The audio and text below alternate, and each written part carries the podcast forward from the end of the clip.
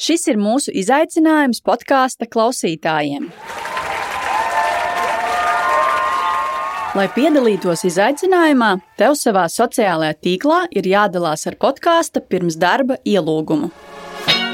Ja tu pieņemsi izaicinājumu un dalīsies ar podkāstu ielūgumu, mēs tev dāvināsim vērtīgu balvu. Tu saņemsi individuālu karjeras konsultāciju bez maksas. Ar izaicinājuma noteikumiem iepazīties, nokopēt podkāstu ielūgumu un pieteikties karjeras konsultācijai, tu vari šīs epizodes aprakstos un visos podkāstu pirms darba sociālo tīklu profilos. Un atceries, podkāsts palīdz atrast darbu.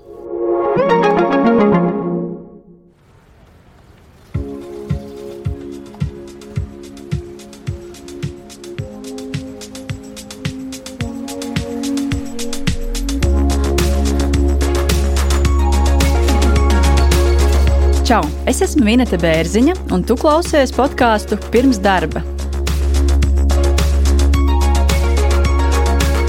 Te skan cilvēcīgas un saprotamas sarunas par darba meklēšanu un atrašanu. Šodien podkāstā sarunāšos ar Dagniju Maike, Viņa bija viena no pirmajām, kas pieteicās uz piedāvātajām bezmaksas 30 minūšu karjeras konsultācijām. Es izlēmu ar viņu sazināties sākumā pa telefonu, un šajā sarunā secināju, ka viņas viena no galvenajām tādām tēmām vai problēmām šobrīd ir tāda, ka darba devējiem viņa šķiet pārāk augstu kvalificēta. Un šodien, šodien ar viņu apru vēlos aprunāties par šo tēmu, kā arī par, par viņas CV. Sveika, Dagnija! Sveika, Vineta! Prieks, ka uzaicinājāt! Es ja godīgi sakot, uzskatīju, ka tā ir vaigā avantūra priekš manī, bet man ir patiesi prieks, ka esmu šeit. Pirmkārt, ko es gribu jautāt, kur, kur un kā varbūt pamanīja mūsu šo te, uh, karjeras konsultāciju podkāstā. Varbūt dzirdēji, dzirdēji podkāstā vai kaut kur citur pamanīja sociālos tīklos. Nu, pirmkārt, es esmu LinkedIn portālā. Tas ir profesionālais portāls, ko laikam, daudz man liekas izmanto šodien. Vismaz man tā šķiet, ka nu, 90% jau saprot to, ka tomēr tur ir cita platforma, viņa ir ļoti profesionāla. Bet es arī klausos podkāstu, bet sāku tieši jūsu podkāstu klausīties. Kaut kā sakrita, ka tieši klausies, un man tieši uzrunāja arī tas. Un pēc tam es ieraudzīju, ka jūs internetā izlikāt to iespēju, kad var Jā. izmantot to. Tātad divi vienā varēja gan vienā. dzirdēt, gan arī redzēt. Tas tā kā nostrādājis. Pirmkārt, jau tas jau tā oriģināli, tas ir otrkārt pasīties uz sevīm no malas un ņemot manu vēsturi. Es domāju, ka man tas bija tieši īstajā laikā, īstajā brīdī. Jā, jā. Nu jā, mēs noteikti ar tevi arī organizēsim šo viens pret viens konsultāciju, kur jā, runāsim par tavām tēmām. Bet šodien, jā, tad uh, varbūt vairāk par šo pārāk augstu kvalificētu tēmu un par, par CV arī gribu sniegt tev atgrieznisko saiti un uzdot varbūt ērtas un netik ērtas arī jautājumus. Uh, tad jā, pirmais, ko es parasti vaicāju darba meklētājiem, karjeras karjeras konsultācijā, cik ilgi tu jau meklē darbu, ko vispār tu meklē un kāds varbūt bija tas iepriekšējais amats vai amati?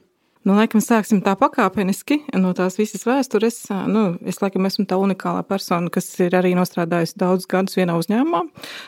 Tas ir ražotājs, kurš vairāk neeksistē, tas ir akcijas savienības Inters. Un pēdējie pieci gadi bija tiešām tādi intensīvi, un tur es jau biju, tā kā es biju izaugusi no galvenā grāmatu amata līdz finanšu direktoram, principā. Mm. Bet uz doto brīdi, kad notikās visas pārmaiņas, visas maksātnespējas, visas tās tendences, sapratu, to, ka nu, es laikam negribu vairāk strādāt tieši to darbu, jo tas, viņš ir ne tikai atbildīgs, bet viņš arī, teiksim, tā priekš nervu sistēmas sievietē, viņš ir nu, pārāk liels stress. Un tāpēc man bija šis gads pēdējais tieši izvērtēšanai, ko es pati gribu. Jo, principā, pats jau galvenais bija jāatbild pašai sev godīgi, vai tas darbs tiešām ir tas, ko es gribu darīt. Un tagad tu jau izēj ārā no tā ritma un paskaties no visu uz malas, tad saproti, nu nē, es vairāk negribu tādu ritmu, es tomēr esmu sieviete, es tomēr esmu divu bērnu māmiņa, un es saprotu to, ka man vīrieši tomēr mājās grib adekvātu mammu. un tad par šo gadu domājot, ko tu esi izsacinājis, kas tu tagad gribi būt? Uh, principā es vēlos strādāt kā galvenais grāmatas, jo grāmatība tomēr ir tā mana tā, mm, teiksim, ideoloģija par to, ka tomēr cipari, sakārtoti cipari un sistēmiskums, tomēr tā ir grāmatvedība. Finanšu uh, amats jau ir bišķi savādāks, tur ir vairāk analītiskā domāšana, bet uh, es uzskatu, ka es varu būt labs galvenais grāmatvedis ar pievienoto vērtību. Jo es pārzinu tos grāmatvedības procesus visu, un es pārzinu arī to, kā tas izskatās no otras puses, ka vadītājs skatās. Jo citreiz ir tā, ka un galveno grāmatvedu diskomunikāciju, tad es uzskatu, ka tas varētu būt tas zelta vidusceļš, jā, jā. Cilvēkam nav jāskaidro divreiz. tu, jā, tas stāsts, un es tikko atcerējos, kas tieši meklēja gal, galveno grāmatvedi šobrīd. Un man bija viena vienīgā kandidāte, kur, diemžēl, atteicās, tā kā, jā, konkurss būs jāsāk pa jaunam, tā kā varēsim arī par to aprunāties. bet tas, bet tas pēc, pēc ieraksta attiecīgi. Tad, jā, jautājums tāds, cik, cik ilgi tu meklē šobrīd darbu? Kas ir, kas ir tas laika periods, kas jau ir pagājis? Es meklēju intensīvi, principā, divus mēnešus. Mm, jo es sāku meklēt jau no pirmās dienas, jo man pa vidam arī bija tāds veiksmīgs projektiņš kā Grindeksā. Es pastrādāju arī viņu uzņēmumā divus ar pus mēnešus. Un, principā, tur es sapratu, ka, jā, grāmatvedība ir mans. Principā, laikam, man tā, tā pieredze bija iedot priekš tam, lai saprastu, ko tiešām es gribu un vai mhm. tiešām es to gribu. Un, principā, katra pieredze ir tāda svētīga manā mm -hmm. izpratnē. Tāpēc es ļoti priecājos, ka bija tieši tas posms, jo tāpēc es uzreiz sapratu, ka jā es turpināšu, jā, es tā arī darīšu. Un, principā, mm, es pat arī nolēmu, ka es varu dalīties ar savām zināšanām, un, bet klausoties jūsu podkāstu, es sapratu, ka es varētu arī uztaisīt YouTube kanālu, kurš varētu stāstīt par grāmatības lietām. Super, gāda par šī ideja. Jā, tā tad minēja, ka divus mēnešus darba meklējumos, cik varbūt esi nosūtījusi pieteikumu šo divu mēnešu laikā, vai ir bijuši kaut kādas darba intervijas, vai ir atteikumi bijuši? Kaut kur kopumā es esmu aizsūtījis 15 līdz 20. Vienkārši tāpēc, ka es atteiktos, jau lieku atsevišķi arhīvā, jo viņas vairs neskatos. Jau. Bet interesanti ir tas, ka citi cilvēki, protams, žēlojas par to, kad, kad tu sūti CV, ir tas sludinājums, un viņā apakšā ir rakstīts, sazināsimies tikai ar tiem kandidātiem, kas tiks izvirzīti tālāk. Jā, jā daudzi par to sūdzas. Jā, bet um, tas, kāpēc es uzskatu, ka tas ir normāli, jo, ja ir liels apjoms cilvēkiem jāapstrādā, tas ir normāli. Bet, ja tu, piemēram, ir kaut kāda vakants, kas ir specifiska, jā, tad cilvēkam, protams, jāplāno savs laiks, jo viņš, piemēram, ir cilvēki, kas pārdzīvo ļoti, un viņi ciklējās uz to. Es neciklējos, es pagaidu divas nedēļas, nav Viss, es aizmirstu par to un, principā, eju tālāk. Nu, man tāds raksturs ir, es biju savādāk, varbūt uztveru. Ir tādi, kas atsūta, piemēram, pa šito laiku bijuši pieci, bet mm -hmm. parasti tie ir bez tīli, intervijām. Ja? Bez intervijām, mm -hmm. jā. Pieci viņi atsūta, paldies par jūsu CV, ņemsim vērā jūsu datus, mēs saglabāsim jūsu informāciju tur kādus cik līdz tur mēnešus, mm -hmm. nu, vai jūs mhm. piekrītat un dodiet savu jā. akceptu, tad nu, tas tā datu drošības, tā aizsardzība, viss pie principiem. Un, principā, ir bijušas divas online tikšanās, Jā. bet tur ir kārtas. Mm. Un tad viņi saka, cik nedēļas ir jāgaida. Tagad man paliek tā, ka man ir divi gaisā karājās, kā es saku, vēl kar karājās, jā, jā. kas vēl tā no, kā... Cik nedēļas ir jāgaida? Tāds jautājums. Jā, viņi saka, tur būs daudz kārtas un divas, trīs nedēļas jāgaida. Ak, bet, ja godīgi, tad man iepriekšējā reizē bija tieši tāpat. Jā, tagad es to uztveru laikam mierīgi un es biju tam gatava. Laikam, jā, jā. Es jā. zināju, ka nebūs ātri, jo tas, ka tādiem speciālistiem nekad nav ātri, principā. Un cilvēkiem ar to jārēķinās. Tas, nu, nevar salīdzināt runāt, tur, nu, piemēram, datu ievadas operators vai kaut kas tāds, un ar galveno grāmatu, ja tomēr tas tāds, nu, tāds zināms posms. Vēl man ir bijušas neformālas kas ir caur paziņām. Arī. Ko tas nozīmē? Neformāls? Neformāls tas ir tā, ka, piemēram, es pirmais, ko es darīju, informēju visus savus paziņas. Ļoti pareizi. Es esmu atvērta sarunai, jo bija pirms tam piedāvājumi, kur es pateicu, nē, man ir darbs, viss kārtībā, un tad es tā kā to tēmu slēdzu. Un tad, kad es uzzināju, ka man ir šīs starptiskās attiecības pārpildes, es uzreiz nākamajā nedēļā es apsēdos, man bija sarakstīns. Es uzreiz visiem nosūtu informāciju, esmu atvērta. Un principā no saraksta, kas man bija kādi pieci cilvēki, man divi atzvanīja un pateica, ka būtu jauki, ja tu atbrauktu un mēs eh, kā parunāsimies. Un tā tikšanās vēl ir piekdienā, man jau ir ieplānots. Jā, jā. Parasti man ir tā, ka tā nedēļa vajag ātri aizpildās. Es kā atveru vaļā, un vēl pa vidu ir kas? Tev pa vidu vēl ir ģimene, tev pa vidu vēl ir bērni, tad tev vajag vēl manikīri, tad vēl pie frizieri aiziet, tad, tad tā paņem un saplāno uzreiz. Darba meklēšana jau tas pilna laika darbs. Jā, jā, jā, tāpēc tas vienkārši. tā process tāds diezgan tāds intensīvs un tāds interesants, bet uh, parasti ir tā, ka pirmajā mēnesī nekas nekustās. Parasti pirmajā mēnesī tu intensīvi sūti, un tā atdeve sākās kaut kur pēc mēneša, pusotra. Un tagad man kaut kā sakrita, ka šīs divas nedēļas viņas tādas intensīvas. Ir tā klusums, un pēc tam sakrīt viss un uzreiz. Un tad tu sēdi un domā, ak, Dievs, kā man šo izdarīt. Un tad, kad tu zini, ka tev nekad nav bijis online tāda tikšanās, tad uzreiz tā, šitas man jāpastudē. Un tad es ieju YouTube, paskatos, kā ir jāsaģēpjas, Jā. kādam fonam ir jābūt. Parasti citi tādas detaļas, laikam, varbūt neanalizē, bet es esmu tāds cilvēks, ka man detaļām ir svarīga nozīme. Un tad es ieju, paskatos, ah, jāsaģēpjas ir tā, fonam jābūt šādam. Labāk, lai tas nav fonā, tad tur var nomainīt bildi, un tad tur vēl kaut ko. Un tad skaties, ah, un šī tā arī vēl var. Nu, tad ir tā interesanti, vismaz tāds process. Nē, forši, Nu, nu, ka jā. tu to visu dari, jo tas jau rada tieši priekš tevis to drošības sajūtu, ka viss ir kārtībā un tu esi par visu izlasījusi, padomājusi un sagatavojusies. Es laikam ieteiktu cilvēkiem, kas ir jau mana jau tāda, mm, teiksim tā, nu nevar teikt ranga, tas tā, ka skaļi skan, jā, bet cilvēki, kas jau kaut ko jau ir jau, nu, sasnieguši tomēr, viņiem ir jādomā par to, ka vienmēr jābūt drošības pilnam, finansiālam. Bez viņa ir grūti. Jo tagad, piemēram, šī pandēmija, Covid parādīja to, ka eh, sliktā situācija var būt ne tikai viens ģimenes loceklis, bet pat abi. Un tāpēc es vienmēr iesaku, man ir eh, draudzenes, kurām es saku, meitenes, es saku, lai cik jūs labi dzīvojat, drošības pilnam ir jābūt. Un, ja godīgi, viņš mani izglāba. Tāpēc es tā sēžu, varbūt bez tāda stresa, tādā ziņā, ka man viņš ir. Viņš nav varbūt tur ekstra liels, bet es zinu, ka jā, ir ā, viena lieta, ka tev maksā valsts to bezdarbnieku pabalstu, bet arī ar to ir jābūt ļoti uzmanīgiem. Jo, piemēram, tā kā man sanāca, kad es ā, biju maksātnespējas process, man bija tā kā jāatvelk elpu. Ja man bija pilnībā galva kvadrātaina no tā visa. Tas process kā tāds bija diezgan ieil- ieildzis. Un Darbs ar administrāciju vispār nav viegls. Ja kāds paprasīs, tad es pateikšu, es nevienam to nenovēlu, jo tas ir nenormāli grūti. Jo tur ir tāda birokrātija, ka sapņos nerādās grāmatvedība, tās ir pupu mizas.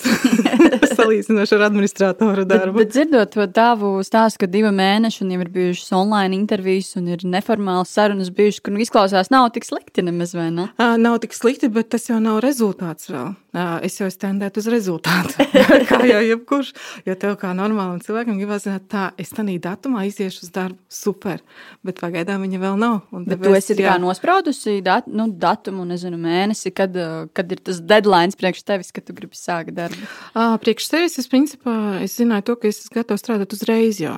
Jo tas, ka pirms tam es diezgan labi atpūtos, un man nav tā, ka es esmu pārgurusi vai kā savādāk. Tas ir ļoti svarīgi, ka tu uh, saproti, kāds ir tavs resurs. Jo citreiz ir tā, ka tu esi pārgurusi un tu neko negribi. Tāda es biju gadu atpakaļ. Mm -hmm. Gadu atpakaļ es laikam nevienu darba devēju nevarēju uztvert vispār normāli. Un, uh, es, kad biju uh, nodarbināties valsts aģentūrā, uh, es tiku uz konsultāciju, bezmaksas. Viņi sniedz konsultāciju arī par CV iztirzēm, par to uh, motivācijas vēstuli. Un man tā sieviete arī pateica, viņa saka, jūs neesat gatavi darbam. Es uz viņu skatos, kā, Tas, kā viņi to var pateikt? Nu, izlasot to tekstu, ko es uzrakstīju, jo tāpēc, kad, eh, tas teksts tagad ir ļoti mainījies, bet tajā brīdī es tā jutos, un es to visu uzliku uz papīra. Viņi saka, jūs tā uzrakstījāt, ka jūs neviens nepatīk. Viņi saka, jums vajag atpūsties. Viņi saka, un pēc laika viņi saka, pārrakstiet to motivācijas vēstuli, kad jau būs jau tā kā izgājis viss tā kā cauri posms. Viņi saka, jāpiet laikam, un tad viņi tā, viņi tā pasmaidīja, protams. Viņi saka, jums ir zināšanas, tās jums neviens neatņems. Viņi saka, bet viņi saka, jums jābūt emocionāli gatavai. Viņi saka, bet nu, tas ir normāli. Viņi saka, principā cilvēkiem, kas nostādā ilgu laiku, viņi saka, tas ir normāli. Cik interesants ieteikums. Varbūt jā, tad parunāsim par tavu motivācijas vēstuli, jo tu man atsūtīji gan CV, gan motivācijas vēstuli.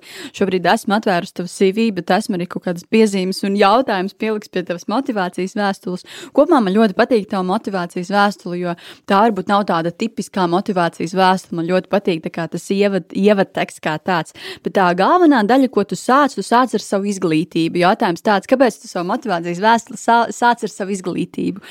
Varbūt pateikšu to bišķiņu priekšā, nav pareizi vai nepareizi. Vienkārši, vienkārši gribu saprast tavu motīvu.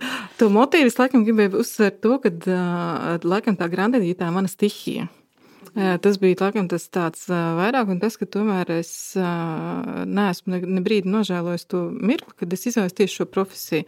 Jo principā viņa ir visu laiku man tā kā bijusi tā kā tāds motivators, laikam, kad visu laiku kaut kas mainās, visu laiku kaut kas uzlabojās. Un, ja, piemēram, ja cilvēki uzskata, ka grāmatvedība ir tā profesija, kur nevar, piemēram, nekādīgi sevi izpaust, Jā. nu tad nē. tā ir profesija, kur tu vari, man liekas, izpausties, izpausties un vēlreiz izpausties. Jo visu laiku notiek kaut kādas pārmaiņas, viss notiek kaut kāda automatizācijas procesi, jo es esmu vēl no tiem retiem grāmatvežiem, kas sāka strādāt, kad nebija datoru. okay. Man bija unikāla praksa. es to nekad neaizmirsīšu, ka es atnācu. Pirmā praksa bija mm, Redisona. Tad, tad, tad viņš bija Polāra Bekdaugo, tagad viņš ir Redisona Sas, visas tās uh, viesnīcas kopā. Un, uh, Tur bija programma, tur bija viss kārtībā. Pēc tam bija otra prakse. Tā jau bija Zinterā. Es atnācu, tā, kad bija 1999. kaut kāds gads, es tieši mācījos tieši kol, ne, koledžu, bet nu, tad viņš tā kā skaitījās vēl Latvijas pasta skolu. Tas nosaukums bija briesmīgs, es viņu vienkārši necietu. Es domāju, bet nu labi, neko darīt. Tāds viņš ir. Un tur bija tā, ka tu apsēdies un tev iedod palagu. Nu, es nesamožu, nu, pusotras metras. Un kas bija jādara to palagu? Uh, uz tā palaga tika reģistrēti visi darījumi. Tas bija tāds žurnāla orderi. Nē, tie bija žurnāla orderi. Man tas bija vispār šoka terapija. Jā. Kā studentam es kaut ko tādu nebiju redzējis. Nē, mums mācīja, protams, tur uh, katru dienu bija grāmati. Mums mācīja, kā taisīt bilanci, kā pildīt dokumentus. Jo tagad jau, piemēram, ir forša ir datorsistēma, kurā tu iesit iekšā tos visus uh, dokumentu numurus. Viss, ir automātiski. Jā. Tur viss ir roku. Nedodies, tu nokļūdīsies pie vienu eiro centu. Nu, tad bija vēl lati. un tad bija jāmeklē. Nu, tā bija katastrofa. Jā, un, kad es ieraudzīju, kas vispār ir pašizmaks maksa. Es domāju, ak, Dievs, kur es esmu nonākusi? Bet vēl joprojām esi finansējis un grāmatvedībā. uh, izglāba viena lieta, no. kas parādīja gaismu tunelī. Tas bija uh, pirmais dators. Tieši viņiem parādījās pirmais dators, un neviens nemācīja ar viņu strādāt. Un es kā students atnācu un vadīju iekšā viņiem visu to žurnālu, tos Excelī. Un tad tas likās, wow, tas ir kosmos! Šis ir mūsu izaicinājums podkāstu klausītājiem. Lai piedalītos izaicinājumā, tev savā sociālajā tīklā ir jādalās ar podkāstu pirms darba ielūgumu. Ja tu pieņemsi izaicinājumu un dalīsies ar podkāstu ielūgumu, mēs tev dāvināsim vērtīgu balvu. Tu saņemsi individuālu karjeras konsultāciju bez maksas. Ar izaicinājuma noteikumiem iepazīties, nokopēt podkāstu ielūgumu un pieteikties karjeras konsultācijai, tu vari šīs epizodes aprakstos un visos podkāstu pirms darba sociālo tīklu profilos. Un atceries, podkāsts palīdz atrast darbu. Vēl tad, jā, pieturoties pie, tev, motiv, pie tavas motivācijas vēstules un CV, arī gribu tev vaicāt, kāpēc tu esi savā CV un motivācijas vēstulē norādījusi to, ka tu bijusi valdes locekli, ņemot vērā to, ka tu šobrīd meklē varbūt ne tik augstas virsotnes kā iepriekš. Tā ir tā nelaime, kuras nevar noslēpt. Jā, paskaidrošu, kāpēc. Mm -hmm. Jā, cilvēki ko dara? Es jau zinu, ka viņi to dara, un to slēpt ir kā, no vienas puses liekas, kā muļķīgi, bet no otras puses, ja tu neparādīsi, padomās, ka tu nedod patiesu informāciju. Nu, es vienmēr tā par to domāju. Un, kad iesit Google manu vārdu uzvārdu, pirmais, kas izlec ārā, valdes locekli. Tas ir kā naglai uz galvas, un es esmu mēģinājis visādi mē, nu, skatīties jā, sevi. Jā. Es esmu pat tīrījusi informāciju par sevi ārā, no Facebook, no Instagram, visur. Es cenšos tā minimizēt to informāciju, lai viņi nav lieka. Un es arī pat bildes nelieku. Man, piemēram, ir cilvēki, kas nezina, ka man ir divi dēli. Ja tāpēc, es nelieku bildes internetā, tas citiem ir tāds par, par, par bildēm. Man būs nākamais jautājums, bet jā, paturpinot. Nu, jā, es nezinu, kā dara pārējie personāla atlases speciālisti vai darba devēji. Nu, visticamāk, kāds varbūt ieskatās sociālos tīklos vai googlē.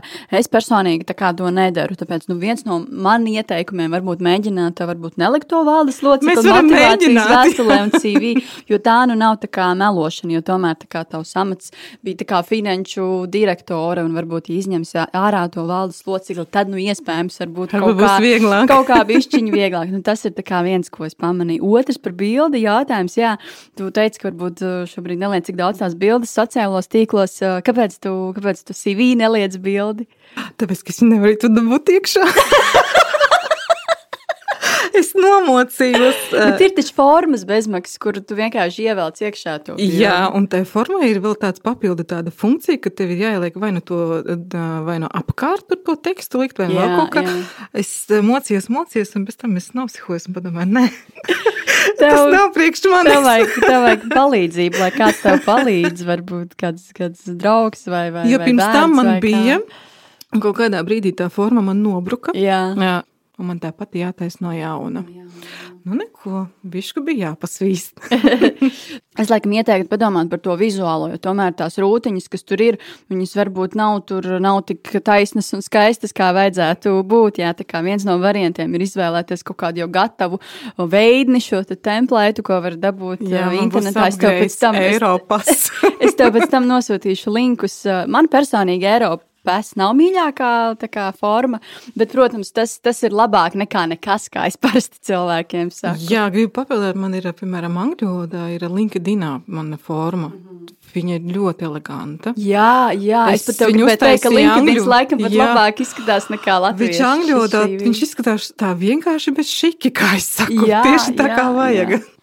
Vēl tāds, ko es pamanīju tavā CV un gribēju vaicāt, jo te arī tas LinkedIn iet. Tātad LinkedInā tu esi norādījusi grindeks pieredzi, bet CV nēsi. Kāpēc tā? Jo bieži vien personāla speciālists tomēr paskatās, kas ir attiecīgi rakstīts CV un kas ir LinkedInā mēdz arī tā kā salīdzināt. Un šis tā kā, ka nav liks tā kā domāt, varbūt tu nezini, kaut kas nebija labi, ka neieliks CV. Nē, tas vienkārši bija, laikam, nebija tas pēdējais updates, jo tāpēc, kad uh, es patiešām arī ne visur liku iekšā, jo, piemēram, tad, kad es sūtīju sūtīju, es pielāgoju viņu. Piemēram, ja es sūtīju finansistu vai kādu finanšu to amatu, tad es ņēmu ārā. Jo tāpēc, ka parasti saka, ka jāņem ir tā kā ārā.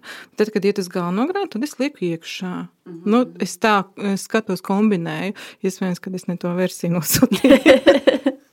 jo man viņu ir tagad kādas, laikam, nu, trīs, laikam, jau, jā, trīs, tāpēc, jā. ka pielāgoju, jo, aha, aha. jo tie amati kā tik viņus nesauc. Jo, piemēram, ir, piemēram, grāmatvedības nodaļas vadītājs, un nu, tad tu sēdi un domā, ko viņiem vajag tur ielikt iekšā. Tad tu lasi to pašu sludinājumu, tad tu skaties, nu, šī tas it kā varētu derēt. Tas vesels mākslas darbs, ja godīgi pielāgot to CV tieši tā, lai tev tā kā, nu, ieraugu un pamana. Tas, tas nav viegli, protams, kā jau teicu, tas ir pilna laika darbs, lai, lai vispār to darītu. Man vēl, man vēl tāds jautājums, jautājums par, par šo te, pārāk kval, kvalificētu tēmu. Vai tu esi dzirdējis no kādiem saviem draugiem vai paziņām, ka tu esi pārāk kvalificēta vai tev vispār neņem darbā? Nu, tā kā varbūt kaut kas līdzīgs tev, attiecīgi, ka tu biji finanšu direktori un šobrīd meklēji galvenā grāmatveža. Nu, laikam man neviens nav traumējis vēl, paldies Dievam, Jā. tādā ziņā man nav tā rakstījuši. Vienīgais, kad, kā mēs esam pievērsus uzmanību, visiem patīk mana motivācijas vēstule. Tāpēc, ka viņa, es saprotu, es viņu centos uztaisīt ne tādu tā kā standartā, jā, jā. un viņa uzrunā.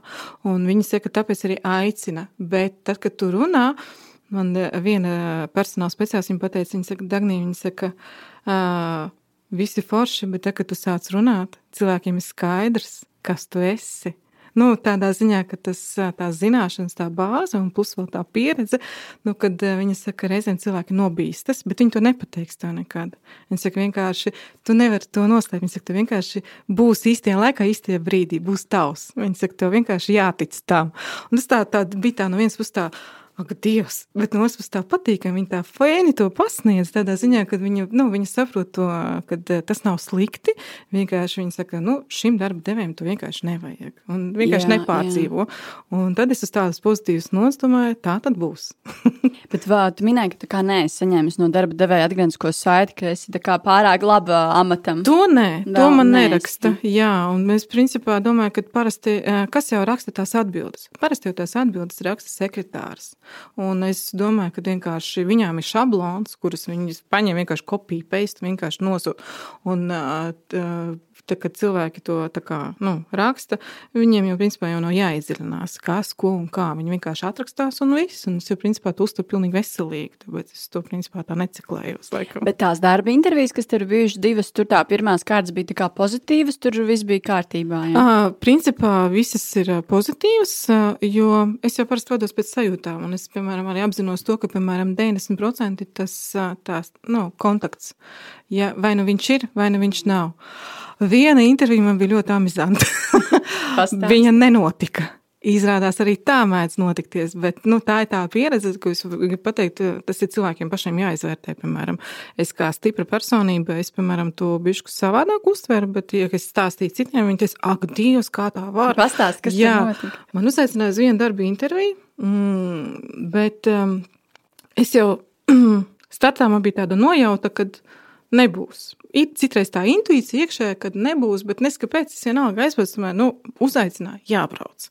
Nu, es tāds apzinīgs cilvēks, protams. Jā. Es izbraucu pāri visai Rīgai, es jau braucu un čortos, domāju, ak, Dievs, es nevaru braukt šitādu darbu, tāpēc, ka viņš ir otrā pasaules malā. Jā. Kā es vispār notikšu? Man mājās mazs bērns, nedod Dievs kaut kas dārziņā, vēl kaut kas. Man uzreiz fantāzija, protams, kā sievietē liela uzreiz, domāju, nu labi. Tad es to vietu nevarēju atrast. Es domāju, tā ir zīme, protams. Bet, nu, atradu vietu, viss kārtībā, atnāku un eju iekšā. Man tā kā sagaida sekretāre, jā, lūdzu, tur vadītājs atnāks tā un tā. Un es redzu, ka tur skraida visi, un ir tieši vēl tas Covid laiks vēl, viss tā kā ir slēgts. Nu, bet skatos, cilvēkiem notiek attālināta kaut kāda, laikam, tur konference vai kas, un tas vadītājs piesnien, es ļoti atvainojos, es bišu pakavēšos. Es saku, nekāda problēma, es pagaidīšu, viss kārtībā. Mamīt mīļais nosēdēja, laikam, tur 45 minūtes, laikam. Jā, un intervijā arī nenotika. Nu, es pie sevis tā nospriedu. Mans laiks, ko es atnācu ātrāk, es neņemu vērā. Mm -hmm. Tās 15 minūtes es viņas atmetu nost. Pēc tam ir pieklājīgās 10-15 minūtes, kuras es vienmēr zinu, kad visādi gadās mani pabrīdināja, tā kā es ņemu vērā. Bet pēc tam es nosēdēju tās pārējās 20. Es vienkārši piecēlos, aizgāju pie sekretāra, pateicu, paldies par uzaicinājumu. Es saku, bet nu, es vairāk negaidīšu. -hmm. Tas vadītājs redzēja, ka es piecēlos un es eju ārā. Nedrīkst jau tā teikt, nu būtu vismaz pakaļ piecēlis. A, ko viņš? Viņš neiznāca pat ārā. Pēc tam es jau braucu jau projām, jo es pirms nezinu, vai viņš dzirdēs šo vai nē, bet, nu, lai dzird, tāpēc, ka viņam arī jāpadomā, ka tā uzvedība viņš tā kā neadekvāta bija.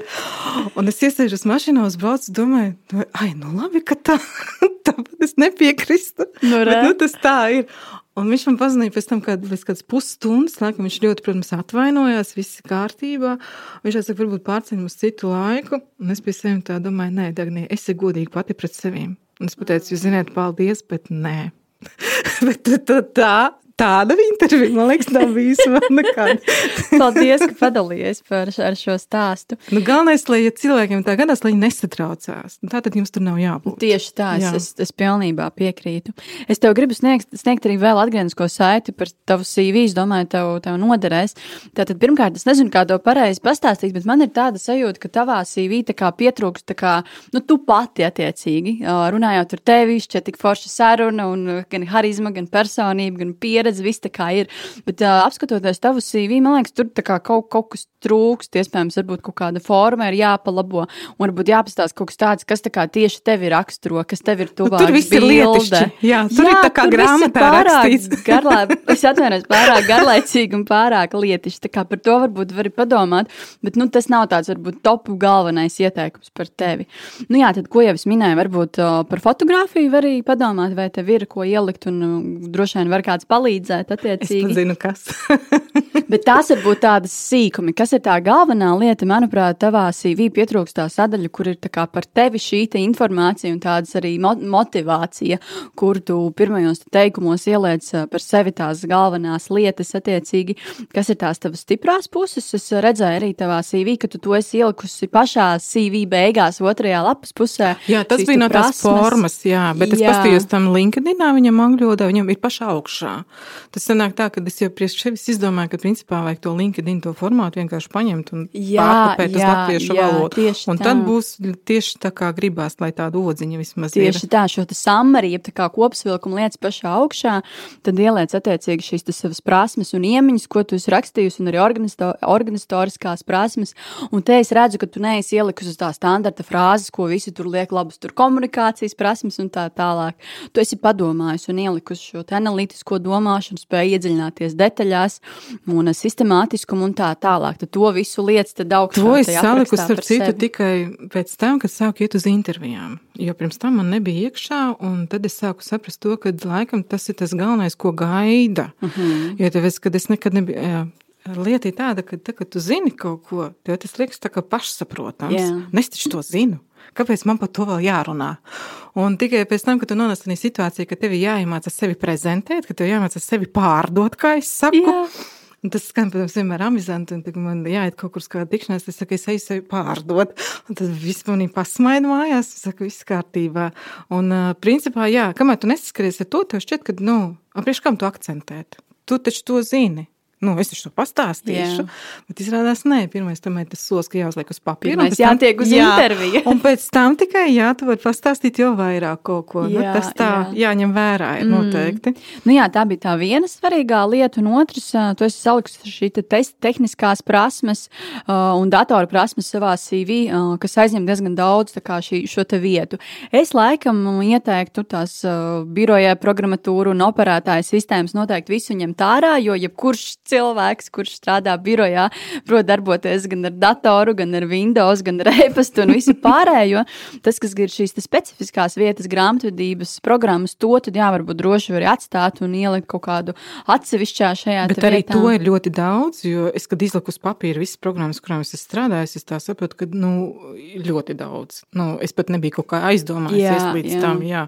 Bet principā priekš grāmatveža tas ir tā kā plus. Protams. Es saprotu tikai tas, ka, jo kā ir, kad es pati intervēju cilvēkus, parasti es skatos uz to, vai tā sarakstā ir tā programma, kuru mums vajag, principā.